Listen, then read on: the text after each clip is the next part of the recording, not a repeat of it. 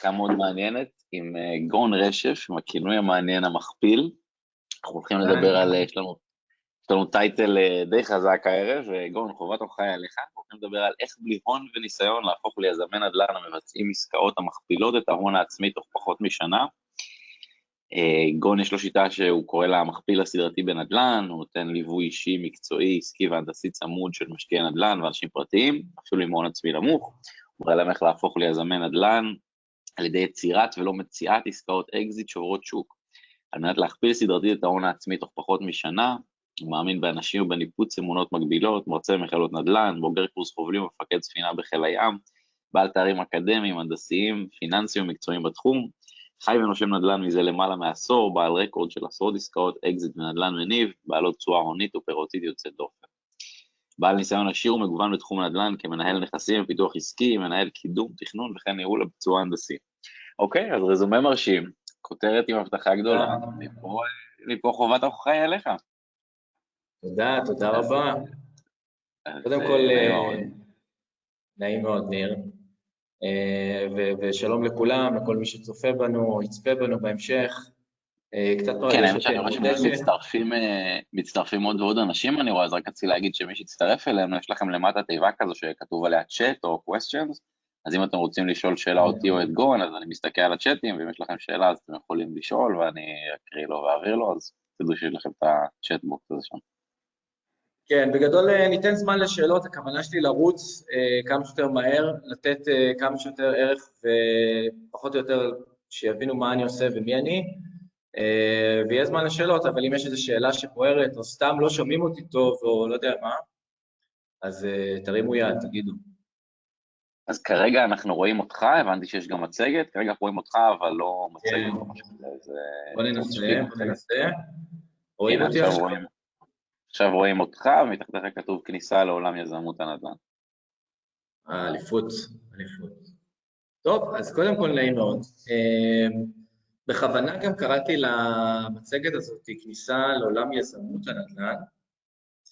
אני חושב שיש הבדל אה, גדול, הבדל משמעותי בין המילה משקיע או בין השקעת נדל"ן לבין יזמות נדל"ן, אמ, וההבדל הוא נובע בעיקר מה, מהמונח הטרמינולוגי. אמ, בעצם משקיע זה סוג של אה, שלח לחמך. זאת אומרת, אה, אני משקיע, אני אני שולח את הכסף שלי, אני ממיר את הכסף שלי ויוצר איתו עוד כסף. זה בעצם כסף שקונה כסף. אה, יזם, להבדיל, הוא, הוא עובד עם הכסף. כלומר, הוא גם משתמש בכסף, אגב, לא תמיד, הרבה פעמים הוא ממנף את עצמו ויוצר אה, יוצר כסף בעצם מהרעיון שלו, מכוח המוח או מהפעולות שלו, וממיר את הרעיונות האלה לכסף. אה, וזו הנקודה, לדעתי, המכריע, האסימון שנפל לי אה, בתחילת הדרך, למזלי, שאין לי כל כך את הפריבילגיה להיות המשקיע. אין לי, אין לי את הפריבילגיה להיות המשקיע הרגיל. אה, זה שמשקיע את הכסף שלו ושולח את לחמו ונותן לו, מוצא עסקאות של משקיע רגיל, אה, שמייצרות לו תזרים והון וכולי, אני צריך להגיע לעסקאות בלתי רגילות, כאלה שלפחות מכפילות את ההון העצמי בכל עסקה. אמ, זהו, זה לא היה קל. אה, היו המון המון כאבים, המון אה, כישלונות בדרך, אה, הרבה פחדים, הרבה חששות. אני אנסה לגעת בכולם. וגם, אני חושב שגם לקח לי הרבה הרבה זמן עד, ש... עד שיצאתי לאוויר העולם, כמו פה עכשיו, וגם הרמתי את העסק שלי של ליווי משקיעים, מתוך המקום הזה של הפחד והחשש של האם יש לי מספיק ערך אמיתי במה שעברתי ובמה שעשיתי, כדי באמת לעזור לאנשים, להביא אותם לאותן תוצאות כמו שאני אה, הגעתי. אה, וככה פתאום אה, בשנה, שנה וחצי האחרונות, נחשפתי לפייסבוק, לקבוצות ולדיונים, ומבשלים נדל"ן, וממריאים לחופש כלכלי, ופתאום ראיתי שיש המון המון אנשים שזה נהדר, שמה שנקרא, נפתח מקצוע חדש, שנקרא מלווה משקיעים. אמ, שהוא מעולה, כי הוא באמת אה, תורם לאנשים שלא, שלא נגעו בנדל"ן ולא יודעים שום דבר בנדל"ן, אבל מבחינת ה-value, המוצר שהם נותנים לעומת המוצר שאני נותן, או, או עשיתי כבר בעבר, הוא שונה לחלוטין.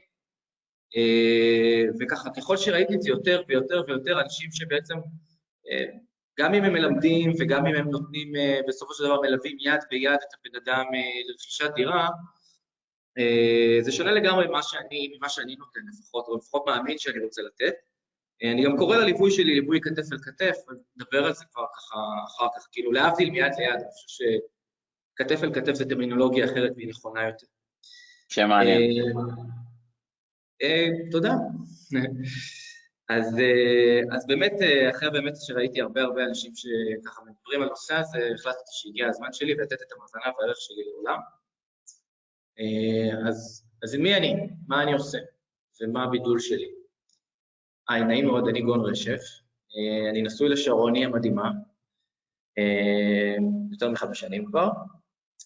אה, אבא לאריאל ולשני, בת בת שלושה שבועות, שזה מרגש אותי רק להגיד את זה, שאני אבא לבת.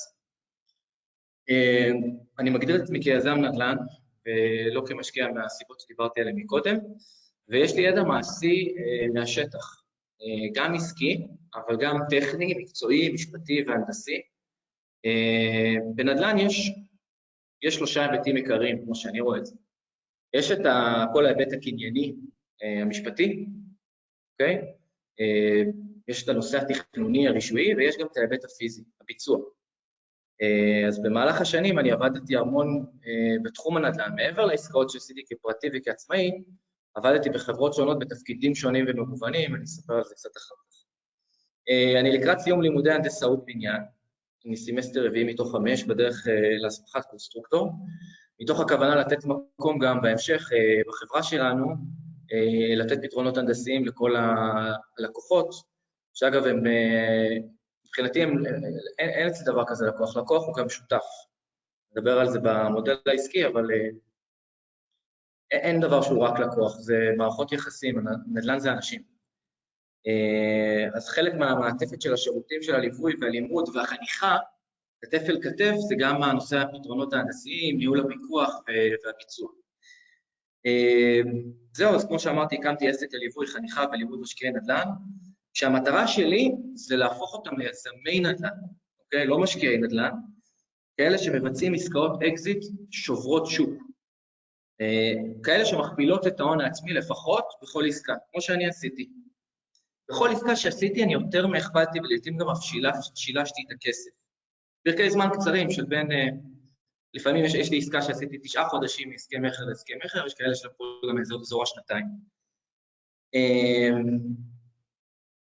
וכמובן כשאני מסתכל על הכסף, על התשואה השנתית, אז כשאנחנו הולכים על עסקת תשואה, גם אם היא הכי מדהימה בעולם, לצורך העניין זה 7, 8 או 10 אחוזים תשואה, בנדל"ן בחו"ל וכאלה, אה, כשאנחנו ממוקדים בעסקאות אקזיט, אנחנו מדברים כמובן על עשרות אחוזי תשואה בשנה, אה, או כמובן יותר מ-100 אחוז אה, בשנה וחצי, שנתיים כשאנחנו מוכרים, אם אנחנו מצליחים באמת לייצר עסקה כזאת.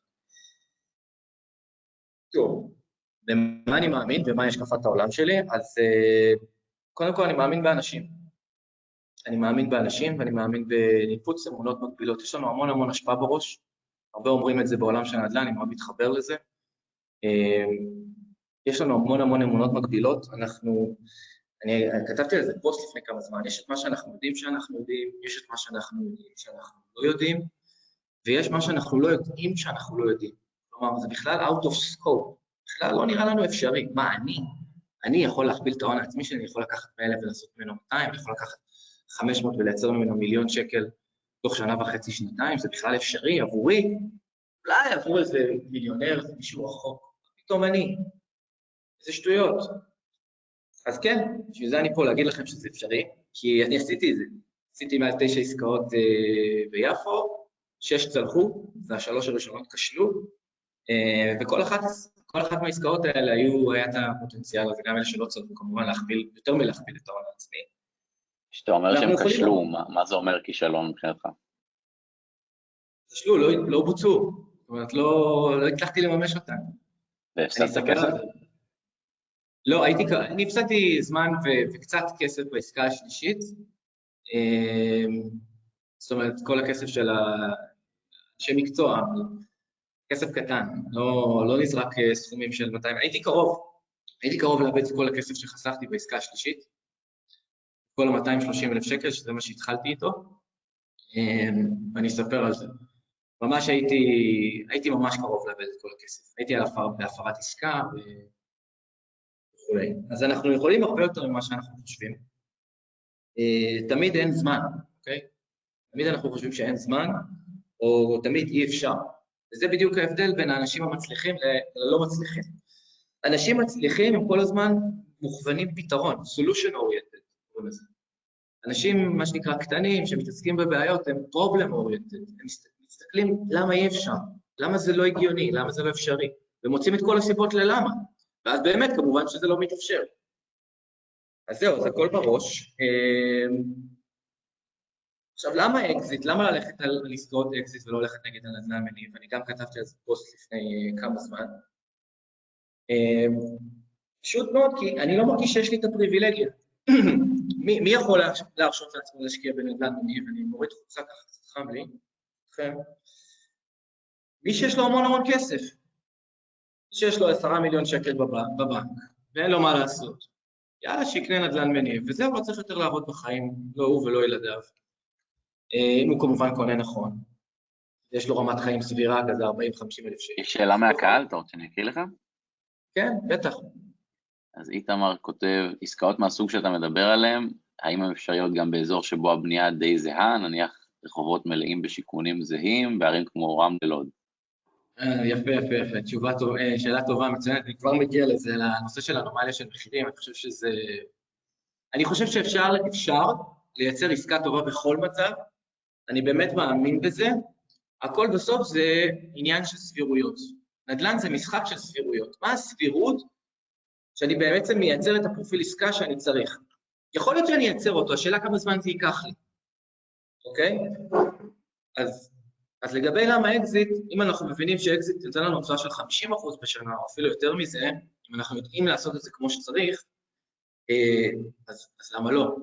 כלומר, צריך קצת לעבוד יותר קשה, אבל זה בטל בשישים אם אתה יודע, אם אתה, אתה ממוקד באזור שמתאים לאקזיט, ועכשיו אני מדבר על זה, וגם אם יש לך את הליווי הנכון. אה, עכשיו, מה זה אזור שמתאים לאקזיט, בהמשך לשאלתו של הבחור? זה אזור שיש בו אנומליה של מחירים.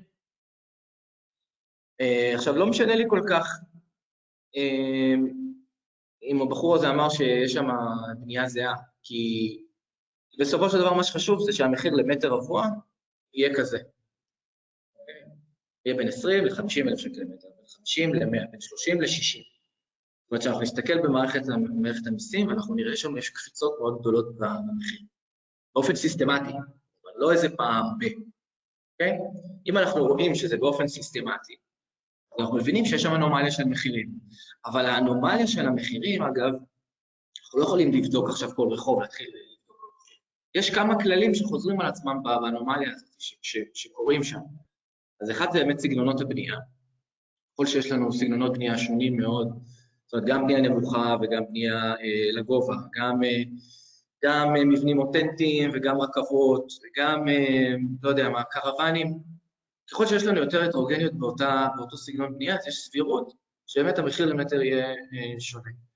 בנוסף, זה כל נושא האוכלוסייה. האוכלוסייה מעמד סוציו-אקונומי גבוה, למעמד סוציו-אקונומי נמוך, דת, תרבות. זה בדיוק, אגב, זה בדיוק ההפך ממה ששמתי לב, לפחות, מרוב מלווי המשקיעים ורוב האנשים שמלמדים נדל"ן. כי, כי מה הכי קל?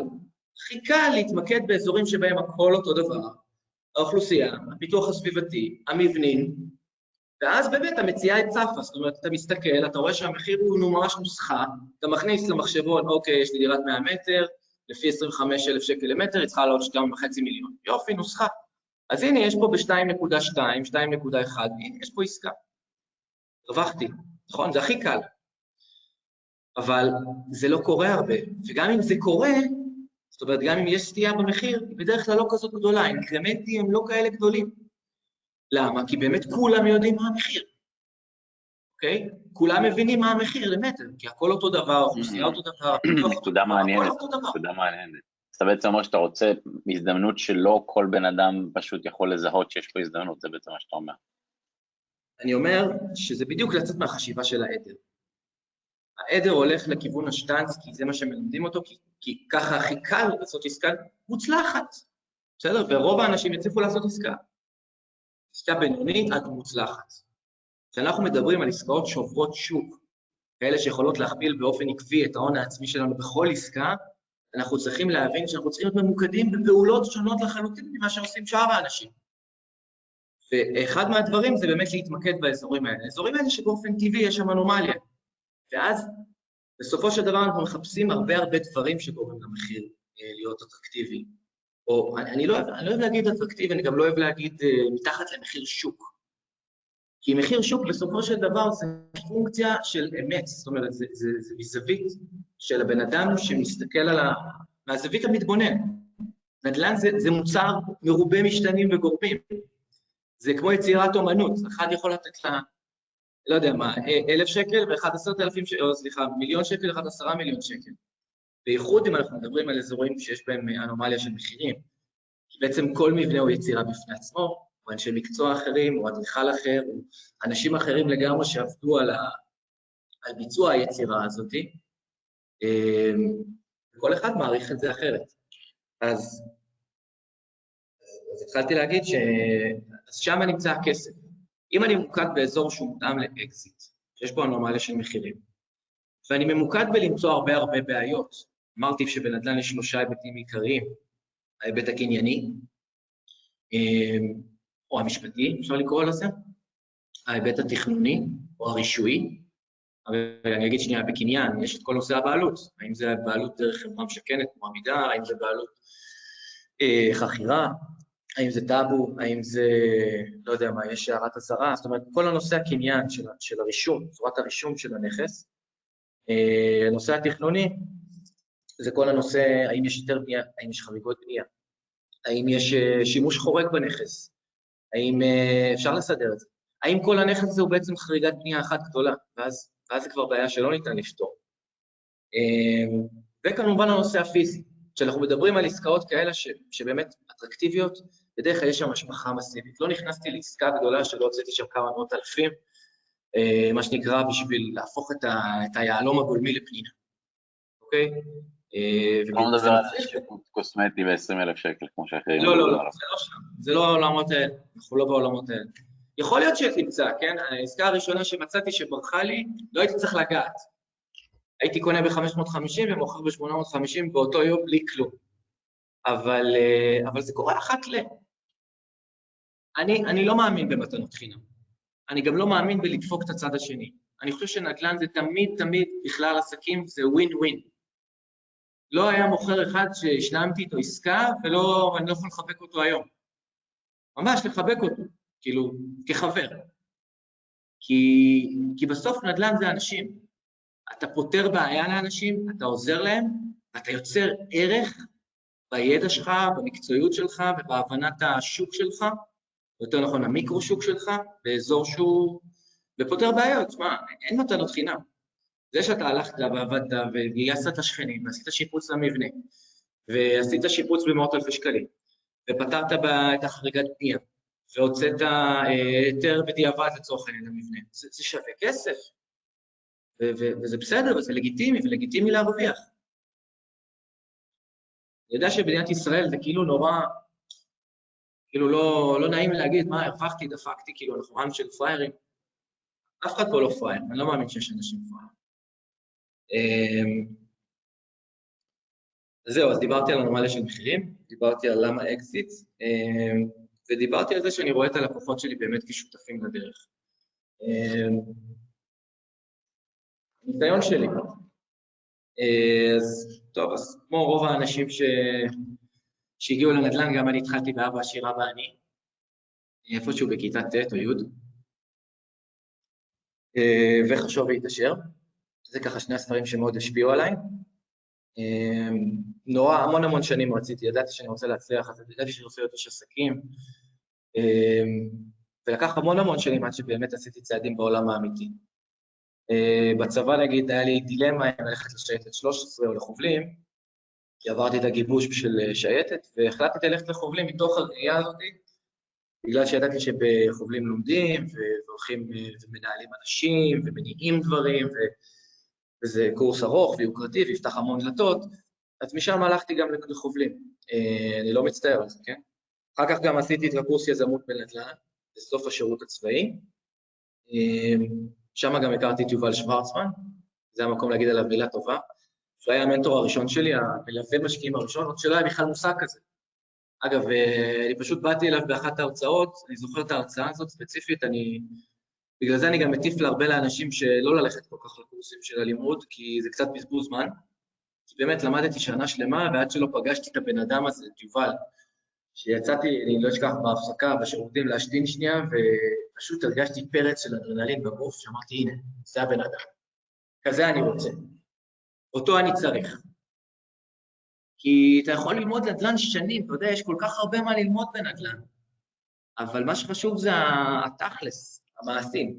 זאת אומרת, מישהו שכבר באמת הגיע למטרות והיעדים שאתה רוצה להגיע אליהם, זה פשוט לרתום אותו איתך, לקחת אותו איתך יד ביד, שהוא יראה לך מה לעשות, שיגיד לך מה לעשות. תרים טלפון, אני לא יודע מה לעשות עכשיו. אני ממליץ להתחיל מתיווך, כי תיווך זה נטו עסקה, אין יותר מדי מה ללמוד, אתה רק חייב לעבוד ו... כל אחד והשקפת עולמו, אני, אני גם עבדתי בתיווך, יש לי אפילו רישיון תיווך, אני, אני, אני פחות, אישית פחות התחברתי לזה, כי, כי אני יותר אולי יזם באופי שלי, אבל, אבל שוב, כל אחד מהמטרות שלו. אם המטרה שלו, שלך, זה, זה להיות יזם ולייצר, אה, לא יודע, לייצר ערך בעצמך ולגעת ולקחת סיכונים לצורך העניין, כי אתה יודע ששם זה הכסף, איך, כאילו, תיקח מישהו שעשה את זה, תתלווה לו, תלמד ותעשה. אה, אם אתה רוצה לעסוק בזה כמקצוע, כמהנדס, כשמאי, אז תעשה את הקורס הרלוונטי, המקצועי, תעסוק, תקים אפילו עסק. שוב, זה הכל עניין של הפרופיל של הבן אדם. אה, אבל המטרה, אני חושב, לכולנו, כל הזמן, זה להגדיל את תחום האפשר. מה, ש, מה, ש, מה שאני כל הזמן חושב, וגם לצאת מאזור הנוחות. אני היום, כשהקמתי את העסק הזה לפני אה, חודש וחצי, פחות או יותר, לא הייתי בנקודת זמן אידיאלית להקים אותו. אני גם אה, נודע לי בת, גם עסוק מאוד בלימודים, אה, גם מיליון ואחד דברים על הראש, זה לא הדבר הכי קל לעשות. ולשלם אלפי שקלים לייעוץ, אתה יודע, שרק יגיד לי מה לעשות, כי, כי אני מאמין בזה, אני מאמין שאנשים ש... אני, אני גם צריך ייעוץ. כולנו לומדים, כולנו צריכים את המנטור שלנו שיגיד לנו מה לעשות, כי הוא כבר היה שם. אני, אני שמח להוציא גם אלפי שקלים בחודש על לקבל הבנה באמת מה, אני, מה הדבר הבא שאני צריך לעשות. Uh, יש תמיד גם את הבדיחה הזאת על, ה... על, ה... על הספינה שמתקלקלת והמכונאי לא מצליח לתקן את התקלה, אלא את המכונה הענקית הזאת, הוא קורא לאיזה בעל מקצוע, מסתכל על זה, בודק את זה, לוקח איזה פטיש קטנטן, נותן איזה דפיקת תיק, והמכונה מתחילה לעבוד, מוציא לו חשבונית של אלף דולר, רשום בפירוט, 2 דולר דפיקה, 998 דולר, לדעת איפה לדפוק. אה, זה, זה המשמעות של ניסיון, בעיניי. אני מכיר את זה על ההשערה ואת האנלוגיה הזאת, כן. אז, אה, אז זהו, אז הכרתי את יובל שוורצמן, ולפני זה גם התחלתי לחקור את חיפה, את רמלה, את לוד. אה, יש לנו עוד שאלה מהקהל, אתה רוצה שאני אקריא לך? יאללה. יגאל שואל, באיזה דרכים אתה חושב שאפשר להשיג מימון ראשוני לנדל"ן, במידה ואין הון ראשוני? וואו, יש מלא, יש מלא דרכים. אמ, אני רוצה להגיע לזה אבל בסוף. יש המון המון דרכים לעשות עסקאות בלי הון עצמי, אה, באמת מתחיל ונגמר בראש, ויש לנו הרבה יותר אפשרות ממה שאנחנו חושבים.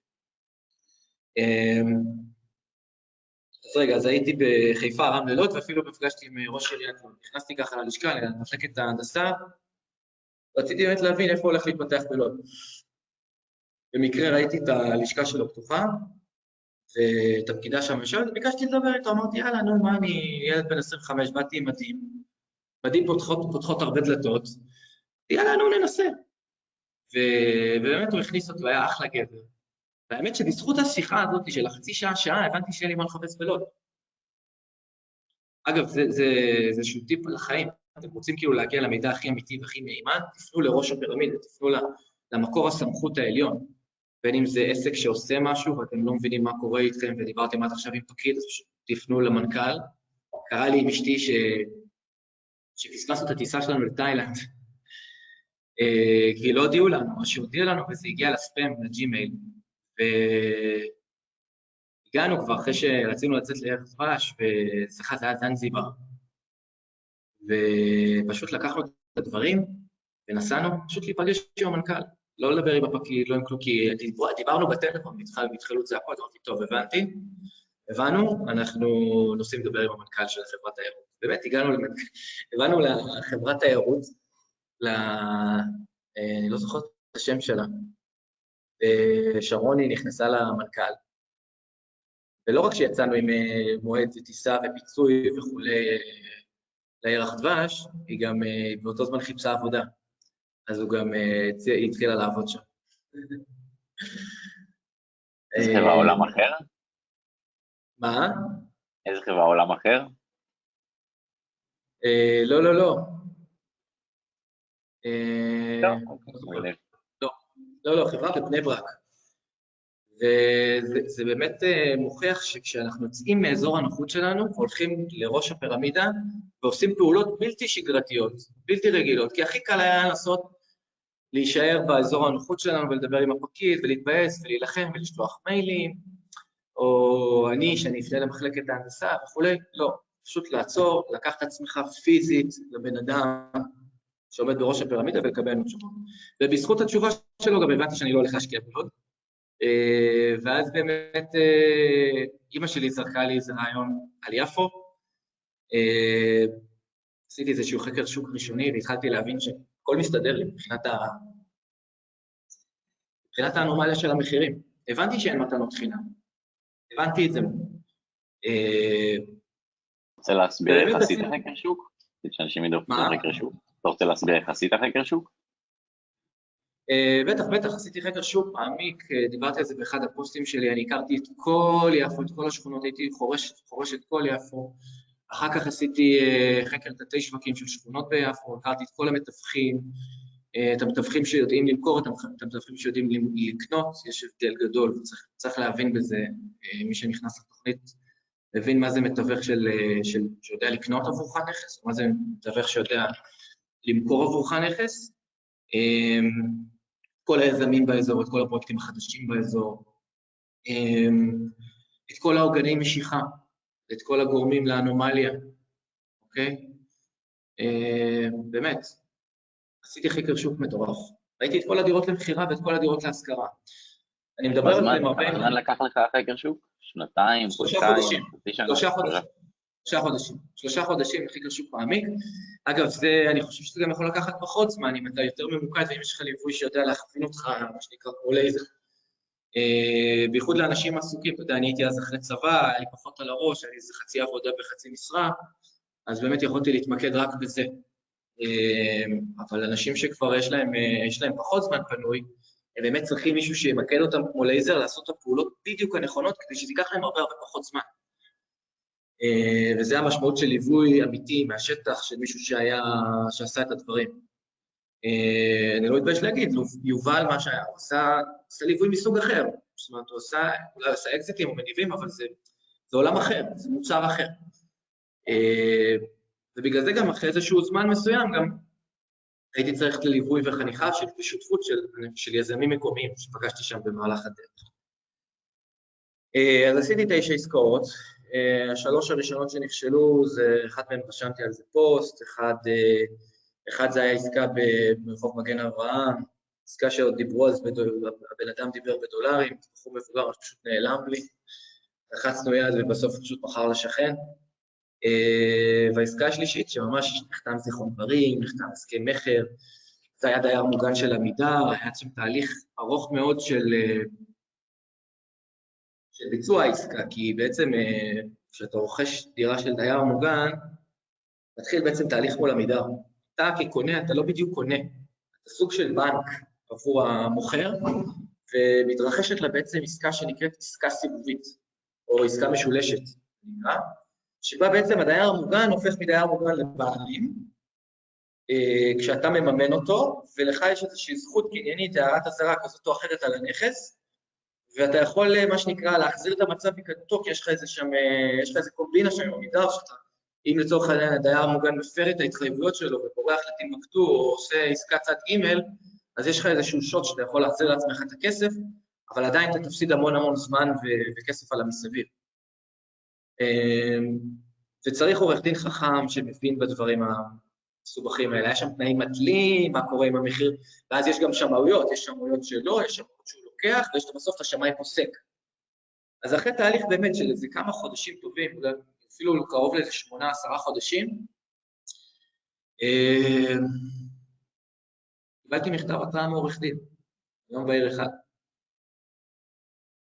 עכשיו, אתה ילד בן 26-7, כל הכסף ששמת, כל הזמן, שנתיים כמעט, שעסקתי בחיפוש הנכס, אתה יודע שהולכים לקחת לך את כל הכסף ושתשלים את העסקה. כלומר, העסקה עלתה ממיליון 200 למיליון מיליון 600 או מיליון וחצי. שמנו איזה 400 אלף שקל, אני ויובל, ובעצם היינו צריכים גם להוסיף כסף וגם להשלים את העסקה. בקיצור, יצאנו מזה איכשהו, בשן ועין, אבל זה היה לא נעים, זה היה ימים באמת, באמת באמת קשים. אני זוכר את עצמי לא נרדם. אבל הכישלון הזה, כל כישלון כזה, אני ידעתי כי הייתי מאוד מאוד חזק בראש. ידעתי שזה מקרב אותי להצלחה. וזו הנקודה שאני רוצה להעביר למי שמקשיב לנו עכשיו, שזה נורא קשה לעשות את הסוויץ' הזה בראש, אבל, אבל once עשית את זה, אתה, אתה, אתה תנצח. כי זה באמת, זה לא שאלה של אם או אולי, זה שאלה של מתי. מתי תצליח, וכמה חרא אתה מוכן לאכול בדרך. מי שבאמת רוצה את זה, שזה אגב מי שמתאים לתוכנית שלי, האנשים שבאמת מגיעים אליי, זה אנשים שאני רואה את האש בעיניים שלהם, את ההתלהבות, הרצון ללמוד ולעשות, שזה, שזה הדבר העיקרי. באמת, כל השאר זה טכני. יש המון דברים טכניים, יש המון מה לדעת, יש המון מה להבין, אבל הבסיס הוא, ה... הוא הרצון לא להתפשר. אז, אז שלוש עסקאות הראשונות שלך נכשלו, אתה אומר. כן. וכמה זמן עבדת על השלוש עסקאות האלה? כמעט שנתיים. אז בעצם שנתיים ראשונות בעצם לא, לא הרווחת. אני הפסדתי, אני הפסדתי את כל החלק הזה המגניב שעוד היה מ-2012 עד 2014, אני יצאתי ב-2012 מהצבא, חברים שלי קנו ב-2011-2010 דירות בבת גלים, הרגשתי שפספסתי את הרכבת, כל הזמן יש את התחושה הזאת בנדל"ן, כל הזמן אתה מפספס את הרכבת, ולמה לא קנית, ולמה לא עשית, ואני, יש לי עצה לכל אלה שמרגישים שהם פספסו. חבר'ה, כל דבר בזמנו. בסופו של דבר, כמו שחיים כצמן אמר במדריך למיליון הראשון, אתה צריך להגיע לנקודה שאתה יכול לסמוך על ההחלטה שלך. ו... וגם כשאתה יכול לסמוך, אז תמיד אתה עוד יכול כזה להרגיש... עד שאני לא מכרתי את הדירה הראשונה שלי, עד שלא עשיתי פי שתיים, פי שלוש כמעט על הכסף ששמתי שם, עדיין לא הייתי בטוח שזה באמת אפשרי. חשבתי שאולי מוכרים לי איזה חתול בשק, וזה לא... זה לא יקרה. כאילו, חשבתי שהכסף יש לו זיכרון. הכסף כאילו, אתה יודע, יש לו רגשות, יש לו, יש לו תודעה משל עצמו. לא, חבר'ה, לכסף לא אכפת לאן הוא הולך. כסף הולך לכסף, כסף לא, גם לא רק תמיד הולך לכסף, כסף לפעמים הולך גם למי שאין כסף, אם יש לו ראש חזק ורעיונות טובים. אז uh, חשבתי, מה, מגיע לי? מגיע לי להרוויח על 200 שלי 400?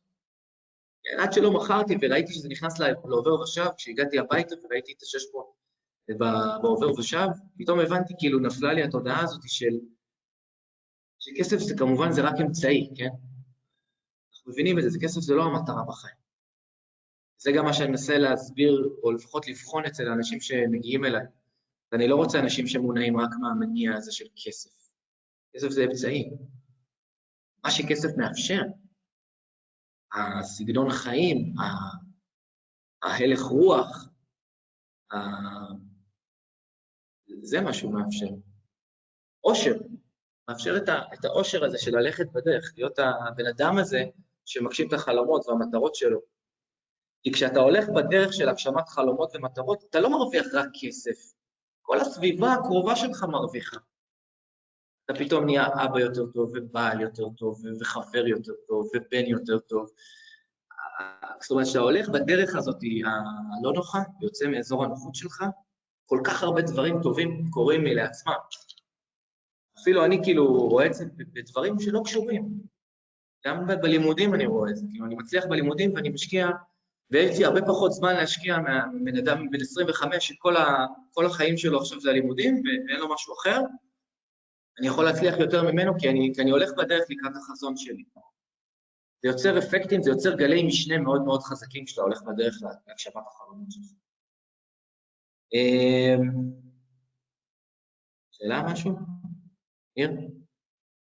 יגאל כותב, אמ, איפה הייתה התמיכה הכלכלית שלך בעסקאות שהפסדת? מי ליווה אותך? אמ, אז קודם כל לא היה לי תמיכה כלכלית. ה-230 היו שלי, שלי נטו שחסכתי, ויותר מזה, רק אחרי שבאמת נתקעתי, אה, כי בעסקה הראשונה שביצעתי בשבטי ישראל 67, הבטחתי 25% אה, מהרווח לאיזה זוג יזמים שמצאתי בדרך, כדי ש... רק כדי שילוו אותי יד ביד ויגידו לי מה לעשות. כלומר, אה, אחרי שכבר הייתי כבר לקראת רכישה, סגרתי, לחצתי יד, גיליתי איזה שני יזמים שהם, שהם קנו עסקה אחרת שפספסתי, שאני לא הייתי מוכן לקנות, ונודע לי עליהם ככה במקרה, דרך איזשהו מתווך, פשוט באתי ואמרתי להם, חבר'ה, אני, אני רוצה לעשות את העסקה הזאת, מה אתם אומרים? כבר, כבר לחצתי איתו יד. מה אני צריך לעשות? בואו, תגידו לי מה לעשות, אני אתן לכם 25% מהרווח.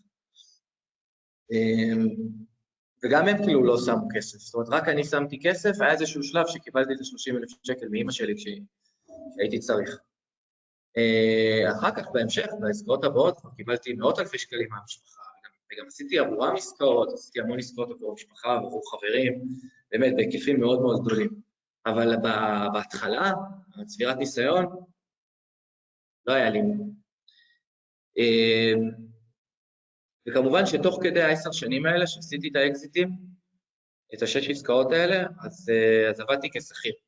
עבדתי כשכיר גם כעוזר מנכ"ל חברת נדל"ן, גימל חמש, היה לי מזל גדול כשיצאתי, איפה שיצאתי, איזה שנה אחרי שיצאתי מהצבא, אז uh, דרך היכרות משותפת בחובלים, פשוט uh, מילד שלא מבין כמעט כלום בנדל"ן, פתאום הייתי עין מנכ"ל, וניהלתי יועצים בעשרות אלפי שקלים בפרויקטי בנייה, באמת מאות אלפים, הרחבת קומות ושיפוץ מגדלי משרדים, ופתאום התחלתי, שפכו עליי טונות של ידע מקצועיות שהייתי צריך להכיל במעט מאוד זמן, לנהל נכסים, לנהל סוחרים, לנהל שיפוץ לכל בניין בית BS בתל אביב, מי שמכיר, ברחוב החשמונאים, צריך להפוך אותו מבניין אה, סטייל שנות ה-80 כזה מיושן לבניין הייטק, אז אה, זה נתן לי המון ניסיון.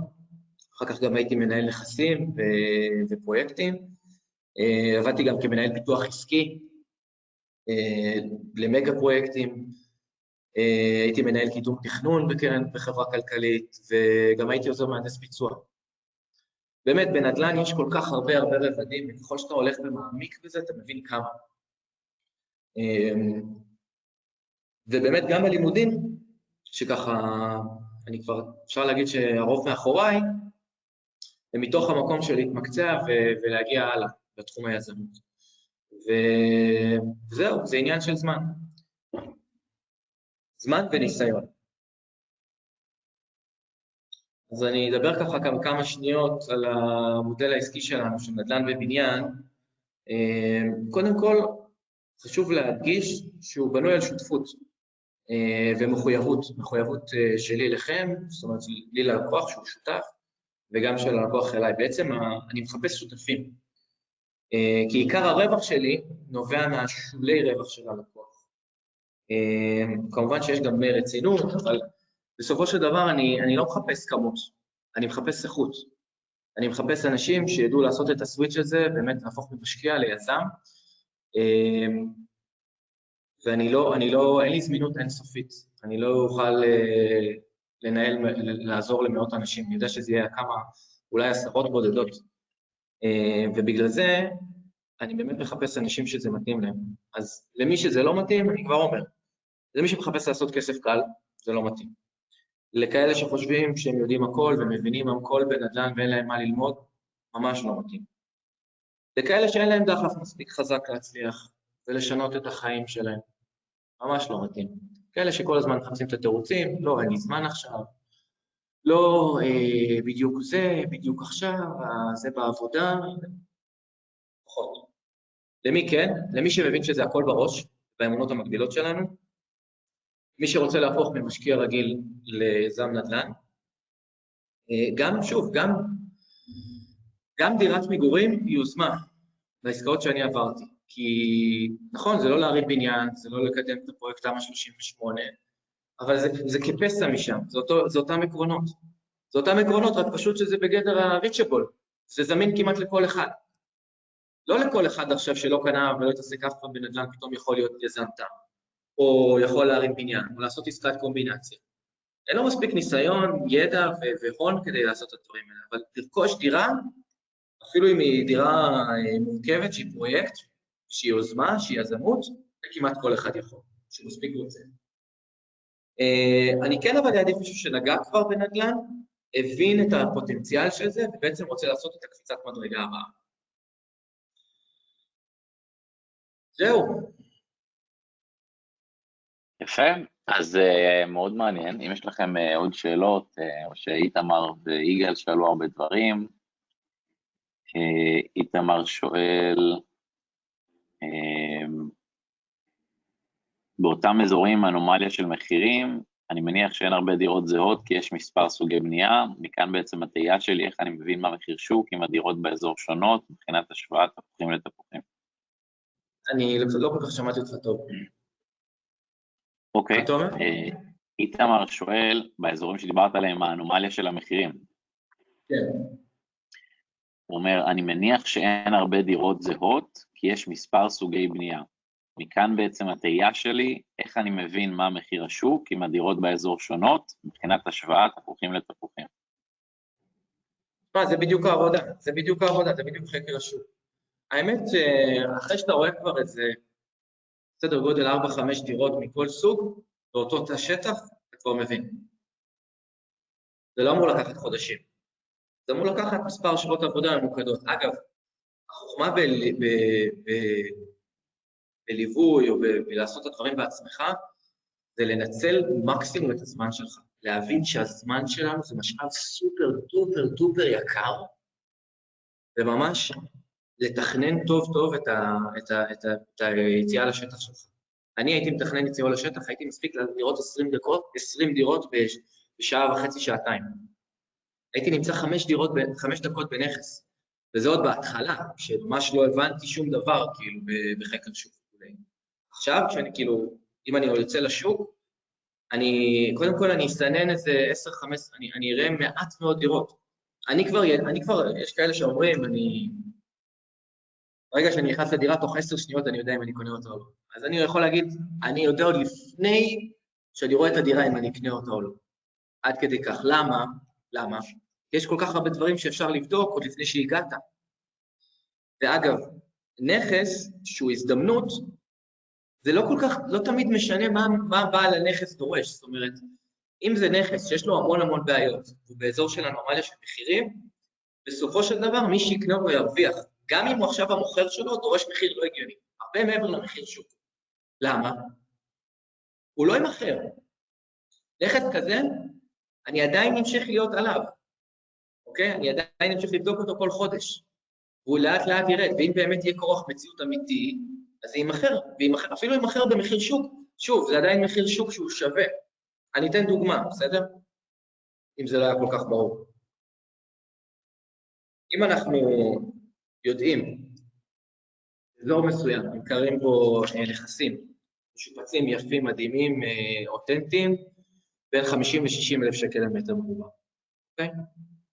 ויש שם גם, אה, לא יודע מה, דירות שיכונים שנמכרות בין 20 ל-30 אלף שקל למטר מרובע, אוקיי? אז אנחנו פחות או יותר באזור של בין 20 ל-60, נכון? נגיד, בין 20 זה הנמוך ל-60 זה הגבוה.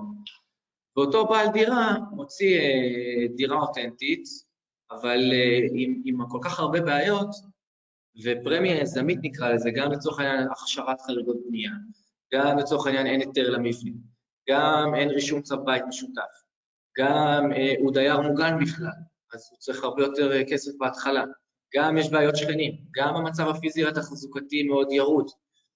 אוקיי, זה דברים שיבריחו את רוב, את רוב הקונים.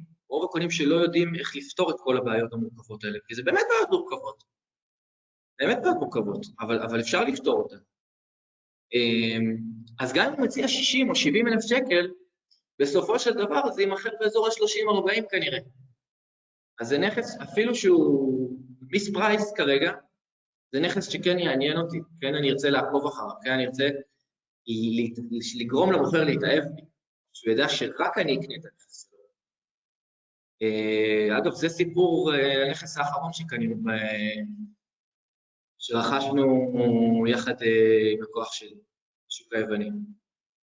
הנכס הזה היה יכול לעמוד ריק אם הוא לא היה לא נקנה על ידי, על ידינו יותר נכון. כי בעצם המוכר לא היה מוכר לאף אחד.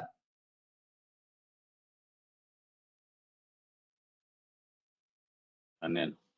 אז יגאל כותב, העיקרון שליווה אותך הוא גלגול כסף? העיקרון שליווה אותי זה שאני רוצה להגיע מהר אה, למטרה של איזה חופש כלכלי, עצמאות כלכלית. ואני באמת בחמש שנים אה, עשיתי בסך הכל, היופי באקזיטים שאתה לא צריך לעשות עכשיו בעשרות עסקאות, מספיק שלוש עסקאות ואתה כבר עם הון מספיק, שיכול לגרום לך להתחיל לעבור למניבים. ובאמת אה, יש לי הכנסה פסיבית מאוד גבוהה, ברוך השם. חמש ספרתית, שמאפשרת לי עוד משכורת. אני עוד לא בחופש כלכלי, לא הייתי מגדיר את זה כחופש כלכלי, אבל זה או אני או אשתי צריכים לעבוד, אחד מאיתנו.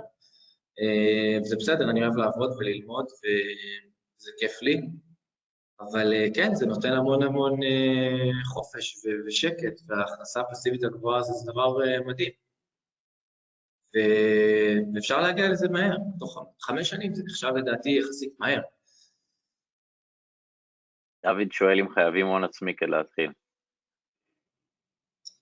תראה, עדיף הון עצמי, אבל, אבל זה לא, זה לא חייבים. מה, ש, מה שחייבים זה, זה לשנות state of mind. זה להבין שאני צריך להיות ממוקד ולעשות פעולות בלתי רגילות כדי להגיע לתוצאות בלתי רגילות. גם, אה, הוא שואל גם מה הצעד הראשון, הוא שואל מה הצעד הראשון, אולי הצעד הראשון זה להגיע לתוכנית ליווי. לא, בגדול בתוכנית ליווי שלי... אז אני אומר, אולי הצעד הראשון זה להגיע לתוכנית ליווי שלך, אולי אתה רוצה להסביר איך אפשר להתחיל איתך. אז אני הסברתי קצת, אה, הסברתי קצת, המודל הוא כמובן שיש דמי רצינות, אני לא הכי זול, אני יודע, אה, אבל, אבל המטרה פה היא באמת להיות עד הסוף, זאת אומרת, זה, מי שנכנס איתי, זה, אני לא רואה אנשים כלקוחות, אני רואה אותם כשותפים. אה, בגלל זה אני גם יודע שאני לא אוכל לקבל את כולם, וזה בסדר, ו... אה, וזהו, ומי שרוצה יכול לפנות אליה אחר כך, בשמחה.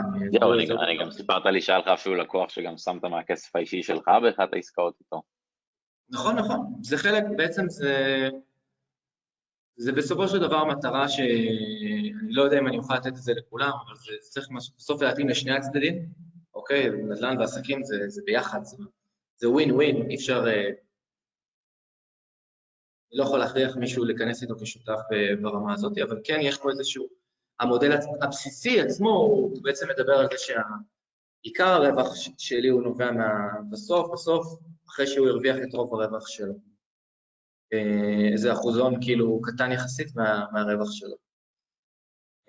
אז אה, מי, מי שבקהל יש לכם עוד הזדמנות, יש לנו עוד כמה דקות לשאול שאלות, מעבר לזה אני אכין עמוד כזה עם הווידאו שאנחנו מדברים בו עכשיו, למי שירצה לראות אותו עוד פעם, ומתחת לוידאו יהיה מקום להשאיר פרטים, למי שרוצה שאני אעביר את הפרטים שלו לגון, אם הוא רוצה לשאול אותו עוד שאלות אישיות על התוכנית ליווי, איך אפשר לעבוד איתו, איך אפשר להשקיע איתו, אז יהיה לכם אה, מתחת לוידאו כזה מקום להשאיר פרטים, למי שמעוניין. הנה אני רואה שדוד כבר כותב שהוא ישמח לפרטים, אז אה, דוד, אה, היום בהמשך היום או מחר, אז תקבל מייל עם קישור לוידאו ולמקום להשאיר פרטים ולהגיע לשיחה אישית עם גון, הנה אני רואה שדוד כבר מתעניין. איתמר כותב, אזור נוסף ופחות יקר מיפו, שיש בו סבירות גבוהה לאקזיטים ואנומליה של מחירים. אני הסברתי, בגדול זה כל אזור, אני חושב שיש בכל עיר אזור כזה. אה, אני כן מתמקד דווקא באזורי הביקוש, בשכונות שבהן, אה, מה שנקרא, הכי יקר שם, כאילו, אה, מוגני משיכה הכי גדולים, זאת אומרת, גורמים שמביאים אוכלוסייה חזקה, תיירות, מוקדי תעסוקה וכולי. אבל אה, שוב, גם עם בעיות אה, ספציפיות לא, לאותו אזור שיכולות לגרום לשונות הזאת, וגם עם שונויות שוניות בסגנונות הבנייה, באוכלוסייה ובפיתוח הסביבתי. נגיד העיר העתיקה בבאר שבע, נגיד, מה? איתמר כותב שהוא כתב דירה ראשונה לא מזמן, הוא רכש בלוד והוא מתלבט מתי למכור. אה, אוקיי, איך אני יכול לעזור לו? אה, הבנתי כל כך את השאלה. דוד שואל אותך מה אתה חושב על חיפה. חיפה מאוד מעניינת, אה, אבל זה תכונות מאוד ספציפיות בחיפה, אוקיי? יש לי אפילו לקוח בחיפה שבאמת עושה את צעדיו הראשונים שם, ואני חושב שזה בהחלט בהחלט מקום אה, שיכול להיות מאוד מעניין, אני גם מכיר אישית יזמים שעשו פליפים, הרבה פליפים בחיפה. היה לנו גם בוובינר בחור שדיבר על קריית אתא, שאפשר לקנות שם דירות ב-500, אבל אה, הוא פחות מתעסק בפליפים, הוא יותר מתעסק בתשואה, כאילו, דירות שעולות 400 500 זו אסטרטגיה קצת שונה.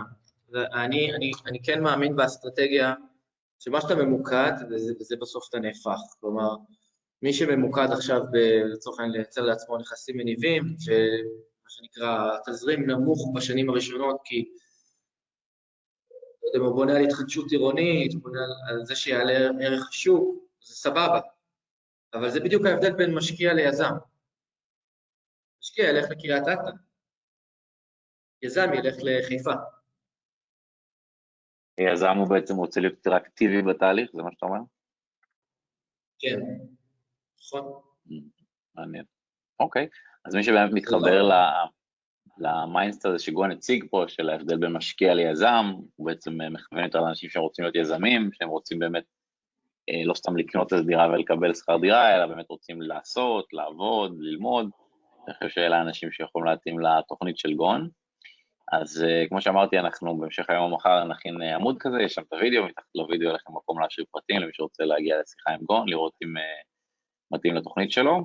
אה, אנחנו לקראת סיום, גואן, יש עוד מה שאתה רוצה להוסיף? אה, שאני מאוד מאוד שמח על, על המתנה הזאת שלי, אני נחשפתי לזה ממש בזמן האחרון, ואני ממש מודה לך אגב על ההזדמנות הזאת, אני לא איזה גאון גדול בשיווק, ו... וזה חדש לי כל הנושא הזה. עד עכשיו עבדתי באמת רק עם הכסף שלי, מה שנקרא Friends and Family. אה, מצומצם מצומצם, וגם בגלל זה הצמיחה שלי הייתה יחסית, אה, יש כאלה שיגידו מהירה, אני חושב שהיא יכולה להיות יותר גבוהה, אבל... ובאמת ההזדמנות הזאת היא באמת לתת ערך ומתנה לעולם, לאנשים שרוצים אה, לעשות, ואז אז תודה לך על ההזדמנות, ואני באמת שמח שאנשים מתקשרים אליי, מתייעצים איתי על החלומות שלהם, ואני באמת מרגיש איך אני עוזר להם.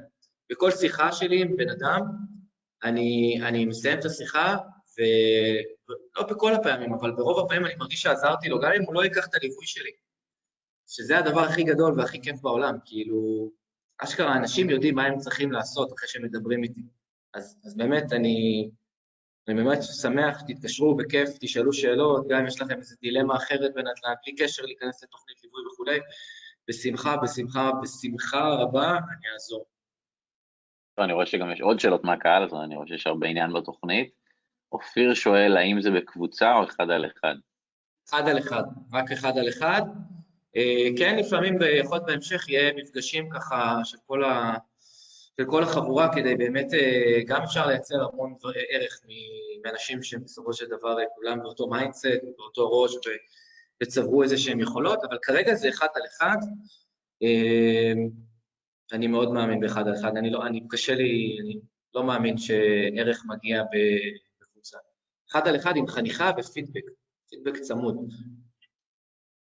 שאיתמר אה, ככה ממש שואל שאלה קונקרטית של כניסה לתוכנית, איתמר שואל, מה ההון העצמי שנדרש לי כדי להיכנס לתוכנית ליווי לדירה ביפו, כולל עלות הליווי והכל? אז אמרתי שמבחינת הון עצמי, אני לא מגדיר הון עצמי כ- כחסם כניסה. כי הרבה פעמים, ברגע שבן אדם מתחיל את התוכנית איתי, הוא פתאום נפתח לו הצ'קרות, המוח והחשיבה, והוא פתאום מבין שיש את הדוד ההוא שם באוקלהומה או בלא יודע איפה, שאם הוא יסביר לו ויציג לו תוכנית עסקית וידבר איתו בצורה שאני אלמד אותו איך לדבר איתו ויראה לו ויציג לו את העסקה או את פרופיל העסקה שהוא מאתר, הוא כבר ישיג due diligence או סוג של confirmation כזה על הכסף שהוא יכול לקבל מאותו דוד, והוא יעשה את זה עם שמוליק ואיציק וחיים ויוסף וילך לגוף, ולצורך העניין גם יש לו הכנסה, כן?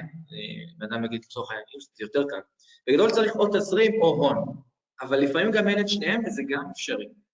מה שצריך זה פה. אם אתה מגייס את האנשים ו, ו, ומראה להם את ה... הופך את הדמיון הזה למציאות עבורם, ואתה מקבל איזשהו קונפורמיישן כזה של ממש הסכם כתוב, שתוך שבוע ממציאת העסקה, שבו לצורך העניין ירוויח X ו-X, אז הוא יהיה שותף ככה וככה ברווח, אז פתאום הוא מגלה שיש לו המון המון כסף להשיג. כי חבר'ה, מה שחשוב פה זה העסקה, זה לא הכסף, הכסף זה האמצעי. זה חשוב שאנשים יבינו. עסקה טובה, כמו שאני מדבר עליה, עסקה ברמות האלה, מביאה את הכסף מטימבוקטו, היא תביא אותו. אוקיי? זה, זה ה-state of mind שצריך להיות. עסקה טובה מביאה את הכסף. זאת אומרת שיזם הוא גם יודע לגייס כסף, זה בעצם מה שאתה אומר. הוא יודע לגייס את הכסף, הוא יודע לאתר ולייצר את העסקה. אני חושב שחשוב להדגיש את הנקודה שגון דיבר עליה עכשיו לגבי ההון העצמי, אולי באמת מה שייחודי בתוכנית של גון זה שבעצם אתה לא סתם מוצא איזה דירה שהיא 50 אלף תחת למחיר השוק וכאלה, אתה ממש מייצר עסקה שלא קיימת, פותר בעיות, הפוטנציאל תשואה הוא מאוד אלפי שקלים, ואז כאילו, מי לא ירצה להיכנס לזה? דוד שלך, חבר שלך מהתיכון, אה, ההוא שדיברתי איתו על העסקה בית קפה, כי מי לא רוצה להפוך 100 אלף שקל ל-200? זה אנחנו מדברים פה על יותר. וחבר'ה, אני יודע שזה נשמע קצת לפעמים דמיוני וזה, אבל תראו את המדריך למיליון הראשון, תראו את uh, חג'אג' ותראו את, uh, לא יודע מה, את כל הגדולים האלה, הם ייצרו ממיליון שקל, הם ייצרו 4 ו-5 ו-6 מיליון. בסדר? זה הכל אפשרי, זה הכל בראש שלנו. אם נחליף את הדיסק של, אה, מה, זה אפשר לעשות, אה, אני יודע מה, הכפלת ההון, זה כאילו זה נשמע כזה וואו. יש גם יותר מהכפלת ההון, יש יזמי תמ"א קטנים שנכנסים עם מיליון שקל לפרויקט של 15-20 מיליון שקל, נכון, הם מונפים, הם לוקחים סיכונים, אבל יש כאלה שיודעים מה הם עושים, והם יוצאים עם 3, 4, 5 ו-6 מיליון, ויש כאלה שגם עושים איזה 4-5 פרויקטים כאלה במקביל. אתה יכול לא, לתת דוגמה לסכום, לסכום הכי גדול שאתה הצלחת להכפיל? מבחינת תשואה, מבחינת אחוזים? כמו סכום, אה, לא יודע, שמת 200, הפכת את זה ל-600, אולי זו דוגמה של... כן, פחות או יותר.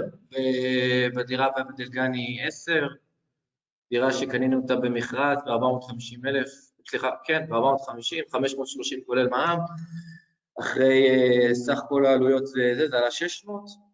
מבחינת הון עצמי שהיינו צריכים שם זה אזור ה-200, 250, ונמכרה במיליון 260. או 200, כן, מיליון 260. מה הרווח? מ-600 למיליון 200, זה כאילו 600 אפסייד? מ-200, תחשוב שנכנסת מ-200 והרווחת 600, עשית פי 4 על הכסף. וכמה זמן זה לקח? אה גם הזכרנו את הנכס, כי אחד השותפים נכנס לתהליך גירושין, אז זה לקח שנתיים, שנתיים וקצת. אבל, אבל מבחינת, ה... מבחינת הזמן, זה, זה יכול היה להימכר גם, אתה יודע, מה שיפה אגב באזורים האלה זה שהאזורים האלה עולים. Okay? אגב, ומה, והכי חשוב, הרבה אנשים אומרים, אקזיט זה מסוכן, אקזיט זה מסוכן. חבר'ה, לקנות דירה במחיר שוק קצת מתחת ולצפות לעליית ערך, אני לא אומר שזה מסוכן, אבל זה הרבה יותר מסוכן מאקזיט.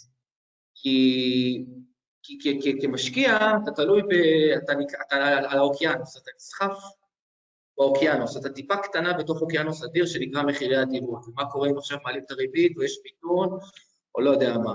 אז כולם מדברים על העליית ריבית, שאולי יקרה משהו. לא שאני מאמין שזה יקרה, כן, אני לא, אני לא מהאנשים האלה שמאמינים שיקרה משהו למחירי הדירות בשנים הקרובות, וגם אם יקרה אז הוא יהיה איזשהו דשדוש. אבל מה שאני כן אומר, זה שבאקזיט זה לא כל כך משנה, את האלף קנית, זה לא שקנית כל כך מתחת למחיר שוק, זה, זה פשוט אתה, יש לך את היכולת לייצר ערך מהנכס הזה, אז לא כל כך משנה מה מצב השוק. השוק בירידה, השוק בעלייה, השוק בקיפאון, זה לא משנה, זה לא רלוונטי לך. אתה הפכת להיות מומחה במיקרו, בתת, בשוק הספציפי שלך, ואתה באמת מבין את המחיר, ואתה יודע בעצם איך לייצר ממנו ערך. אז אתה תרוויח, לא משנה מה. יפה. טוב, אז זה היה באמת אה, מאוד מעניין, הרבה ערך, הרבה עניין, ואני גם רואה שיש הרבה עניין אה, לאנשים בתוכנית שלך. אז אה, שוב, כמו שאמרתי, אם אתם רואים את זה... איך אני יכול לראות את השאלות? האמת שכבר הקראתי לך את כולם, ואנחנו לקראת סיום. אני יכול להעביר לך אותם. אבל ענינו על הכל, הקראתי לך את הכל, אז אם אתם רואים את ההקלטה, במקרה ביוטיוב או בספוטיפיי, אז גם שם אני אשים לכם לינק לדף שתוכלו דרכו להירשם ולדבר עם גון. אה, אוקיי, אז זה באמת מאוד מעניין, הרבה עניין מהאנשים, הרבה טיפים, חשיבה באמת אה, שונה שהרבה אנשים אחרים הציגו. אז תודה לך על הזמן שלך. תודה אני לך, כותב. ממש אה, שמחתי. כיף, הנה גם אופיר כותב תודה, ואם בא לכם לפרגן אז תוכלו גם להשאיר תגובה ביוטיוב, איתמר כותב תודה ענקית, יפה, אני רואה שאנשים באמת אהבו את התכנים, התחברו. אז אתם תוכלו לראות את ההקלטה או בדף שאני אכין, או בספוטיפיי, או ביוטיוב, בכל אחד מהמקומות האלה יהיה למטה את הלינק. אם תלחצו על הלינק אז אתם תוכלו להגיע לוידאו, ומתחת תהיה אפשרות אה, להשאיר פרטים שהגיעו לגון, תוכלו לדבר איתו. אז אה, גון, תודה על הזמן שלך, תודה לכל מי שהקדיש. לנו שעה מה, מהזמן שלו גם. אני ממש מעריך אותנו. את האנשים שהגיעו, באמת זה לא טריוויאלי להגיע ככה באמצע היום, בשעה שתיים בצהריים, לעצור הכל ולהקשיב ולהבין וללמוד. מאוד מעריך את זה. כן, שאני באמת חושב שאחלה תכנים, וכל מי שהגיע לדעתי, אני גם רואה שכמעט כולם נשארו מההתחלה עד הסוף, אז באמת אנשים אהבו את התכנים. אם אתם בספוטיפיי אתם יכולים לדרג, אם אתם ביוטיוב אתם יכולים להשאיר לייק או תגובה, וכמובן, אה, בהצלחה, ונתראה בפרק הבא. אז ביי. בינתיים.